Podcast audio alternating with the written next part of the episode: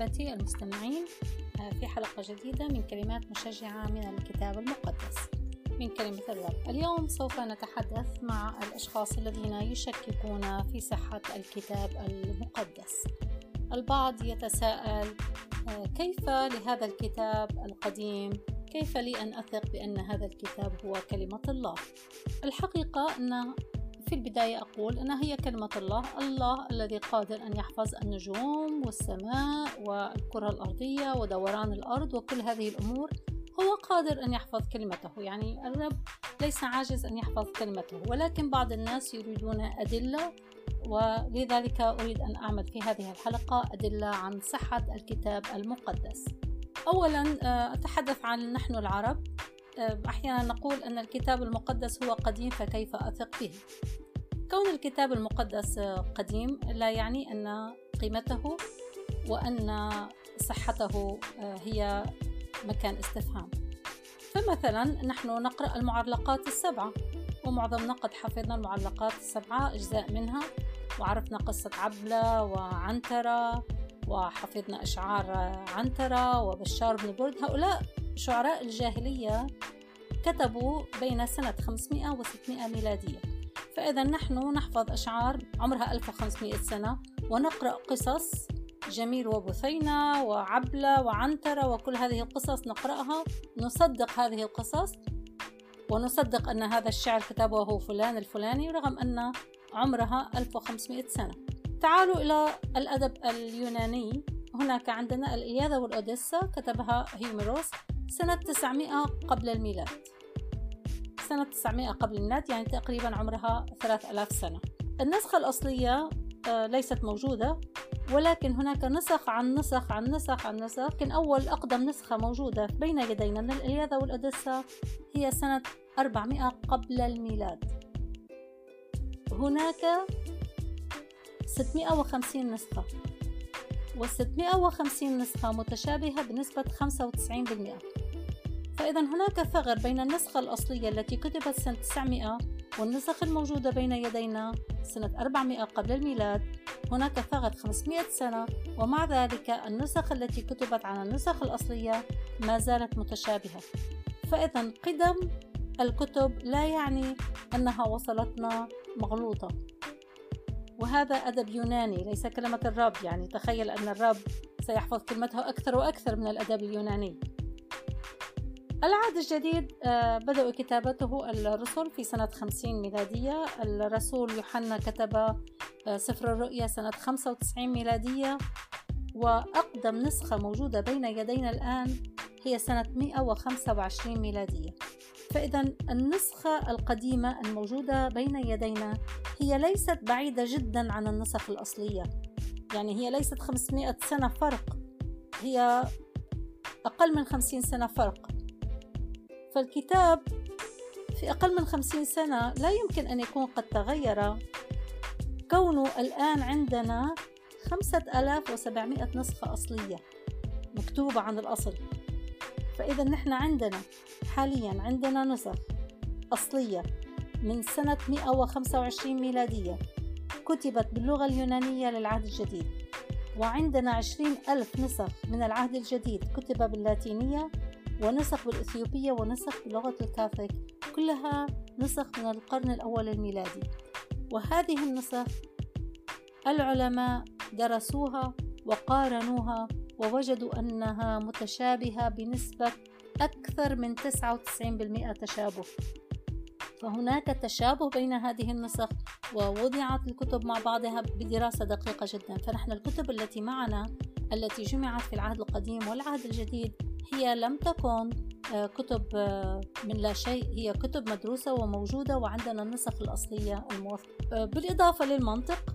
في المنطق أن الكتب هذه قد كتبت في وقت كان هناك شهود عيان. كتبت في وقت كان هناك الناس كانوا أحياء. يعني لما يتكلمون عن الميلاد وعن الصلب وعن العجائب كان هناك ناس يقرؤون ويشهدون أن هذا الكلام صحيح لأن فعلا هذا حدث في مدينتنا فعلا هذا رأيناه بأعيننا. وهم كتبوا بوجود شهود عيان لا يمكن للتلاميذ أن يكتبوا من تأليفهم ومن خيالهم أمور آه، تناقض الواقع الذي هناك أناس يعيشون ويرون هذا الواقع. لماذا نصدق الإلياذة والأوديسا؟ ونصدق الأدب القديم والمعلقات؟ ولا نصدق أن الكتاب المقدس هو محفوظ أيضا بقدرة الرب محفوظ. لماذا لا نصدق؟ لا يمكن أن تكون شخصيات مخترعة. هناك شهود فلا يمكن أن هناك شخصيات مخترعة ولا أماكن مخترعة لأن كل هذه الأماكن مثبتة تاريخيا وجغرافيا. نقطة أخرى أيضا علم الآثار. علم الآثار يثبت صحة الكتاب المقدس تاريخيا. لحد الآن لم يحصل أن اكتشفت أي حضارة ناقضت ما قيل في الكتاب المقدس لا بل كل حضارة نكتشفها مجددا ونقرأ عنها مجددا ونفتح الألواح الفخارية ونقرأ ونحلل ونجد أن كلها توافق التاريخ الذي كتب فيه الكتاب المقدس. يعني الكتاب المقدس مثبت من قبل علماء الآثار. متى كان المملكة الفرس ومملكة البابلية ومتى كان الوالي فيليكس ومتى كان هيرودس كل هذه تاريخيا مثبتة. فإذا الكتاب المقدس لم يأتي خيال. هو كتب عن واقع كتب عن أمر حصل في وقت معين في مكان معين وبكل دقة بكل دقة وتفاصيل. تفاصيل الصادق يقول تفاصيل ولا يخاف. لم يكن هناك غموض في هذه التفاصيل. هناك أيضا شخص اسمه ويليام رامسي. رام ويليام رامسي السير ويليام رامسي كان ملحدا وأراد أن يثبت أن الكتاب المقدس هو خرافات. فأمسك بكتاب سفر أعمال الرسل الذي كتبه الطبيب لوقا. الطبيب لوقا كان معروفا أنه يكتب تفاصيل وكان دقيقا في الكتابة. فقال السير ويليام رامزي أن هذا الكتاب أعمال الرسل الذي كتبه لوقا سيكون أفضل وسيلة لي حتى أثبت أن الكتاب المقدس خرافات. ووجد السير ويليام رامزي أن لوقا ذكر أسماء مئة شخص وأسماء مئة مكان بكل دقة في الشرق الأوسط في أوروبا. ووجد أن الجغرافيا صحيحة الأماكن صحيحة الوقت الذي يأخذه السفر مكان إلى مكان صحيح. فذهل من دقة وصحة التفاصيل فآمن بالرب يسوع وآمن بالكتاب وبدل من أن يكون ملحدا أصبح مبشرا بالمسيح. لا بل أصبح مختصا بعلم الدفاعيات. تعالوا أيضا ننظر إلى المؤرخين. هناك مؤرخ تاسيتوس هو مؤرخ يوناني. وقد كتب تاسيتوس عن القرن الأول الميلادي كيف اضطهد نيرون المؤمنين المسيحيين الأوائل. وتكلم عن العذاب الذي عاناه المسيحيون من أجل التمسك بالمسيح. هذا تاريخ كيف المسيحيون الأوائل. هناك مسيحية انتشرت في ذلك الوقت لأن هناك كان يسوع المسيح قام منتصرا وتبعوه. هذا مؤرخ يوناني. تعالوا إلى المؤرخ المشهور المؤرخ اليهودي المشهور يوسيفوس. كتب يوسيفوس واليهود كانوا أعداء للمسيحية ورغم ذلك كتب بما يشهد عن صحة وجود رجل اسمه يسوع. وكتب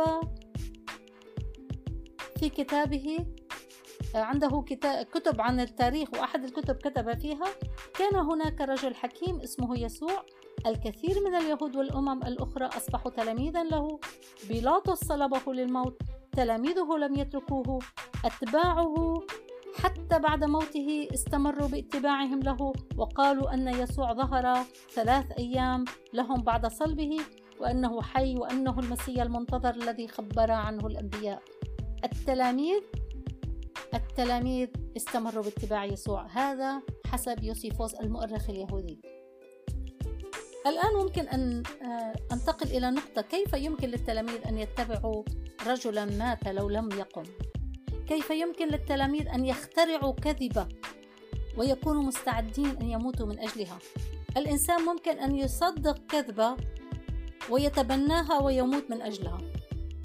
ولكن لا يمكن للإنسان أن يخترع كذبة ويكذب على الناس ويكون مستعد أن يموت من أجل الكذبة لكن التلاميذ كلهم ماتوا شهداء. ما عدا يوحنا يقال أن يوحنا آه، مات من طول العمر. آه، الله أعطاه أيام كثيرة ولكن باقي التلاميذ كلهم ماتوا شهداء. وانطلقوا إلى كل العالم. آه، نعرف توما انطلق إلى الهند ويقال أن مرقس في مصر. وانطلقوا إلى كل العالم ليبشروا. هناك أيضا مع أن الكتاب المقدس ليس كتاب علمي لكنه أعلى من العلم. الكتاب المقدس ما جاء ليشرح لنا الكيمياء والفيزياء لأنه أعلى. هو جاء لمستوى أعلى جاء ليعالج حاجتنا الروحية. ومع ذلك الكتاب المقدس فيه حقائق علمية سابقة لعصرها. في الوقت الذي كان الناس يظنون أن الأرض مسطحة وأن يحملها فيل ويحملها سلحفاة حسب تقاليد الشعوب في تلك الأماكن. قال الكتاب المقدس الجالس على كرة الأرض في إشعياء أربعة. فالكتاب المقدس قال الجالس على كرة الأرض فهو قال أن الأرض كروية. الأرض معلقة على شيء في سفر أيوب 26 أنها في الفضاء. في تكوين 15 قال النجوم لا تحصى وهذا الأمر حتى الآن لا نستطيع أن نعد النجوم في السماء. فهذه حقائق علمية وجدت في الكتاب المقدس لأن الله هو الذي أوحى بها. تحقق النبوءات. هناك 750 نبوءة تحققت بالرب يسوع المسيح.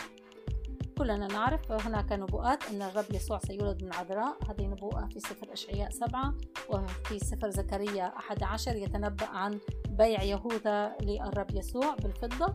فهناك نبوءات تحققت في حياة الرب يسوع المسيح. نبوءات كانت عبر السنين وتحققت في شخص واحد. احتمالية تحقق هذه النبوءات في شخص واحد هي احتمالية ضعيفة جدا.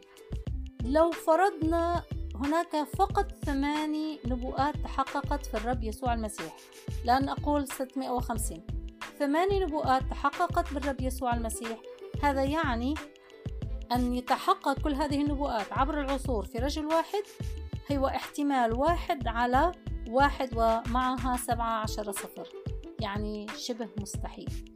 ومع ذلك الرب يسوع لم يأتي صدفة ولم يحقق هذه النبوءات صدفة. هي كلها تحقيق نبوءات حسب كلمة الرب. فإذا عندنا دلائل تاريخية دلائل من المؤرخين دلائل من علماء الآثار دلائل من النسخ الموجودة وعندنا دلائل منطقية. فهذه الكلمة التي لدينا حتى لو أنها كتبت من آلاف السنين لكن هي كلمة الرب والرب قادر أن يحفظ كلمته. وأقول أكثر من ذلك أن هذه الكلمة تغير النفوس. كم من واحد مننا كان ملحدا كان مشككا ولما تلامس مع كلمة الرب وروح الرب تغيرت حياته. وأحيانا نتشارك بالقصص. كيف الرب غيرني وكيف الرب غيرني والفرح الذي نلناه حين تغيرنا؟ ونجد أن هناك روح واحد يعمل فينا. روح واحد عمل فينا وغيرنا وعطانا الفرح. هذه الاختبارات أيضا هي نتيجة أن عندنا كلمة الرب وعندنا الرب الذي يحبنا. فأرجو أن تكون هذه الحلقة قد أزالت الشكوك. أنا كنت في يوم الأيام كنت إنسانة مشككة وملحدة. وكنت لا أصدق وكانت إحدى الأقارب تبشرني عن الكتاب المقدس فقلت لها هذا الكتاب عمره ألفين سنة لا أريد أن أصدقه وأنا متعلمة ومثقفة ولا أريد أن أصدق هذا الكلام ولكن روح الرب تعامل معي فيما بعد ووجدت أن لا سلام ولا أمان ولا فرح من دون أن يملأ قلبنا الرب يسوع. هناك فراغ في القلب لا يمكن أن يملأه أي شيء. إلا أن يكون الرب في حياتنا. سلام الرب يسوع معكم وقلبي وصلاتي مع كل من يستمع هذه الحلقة.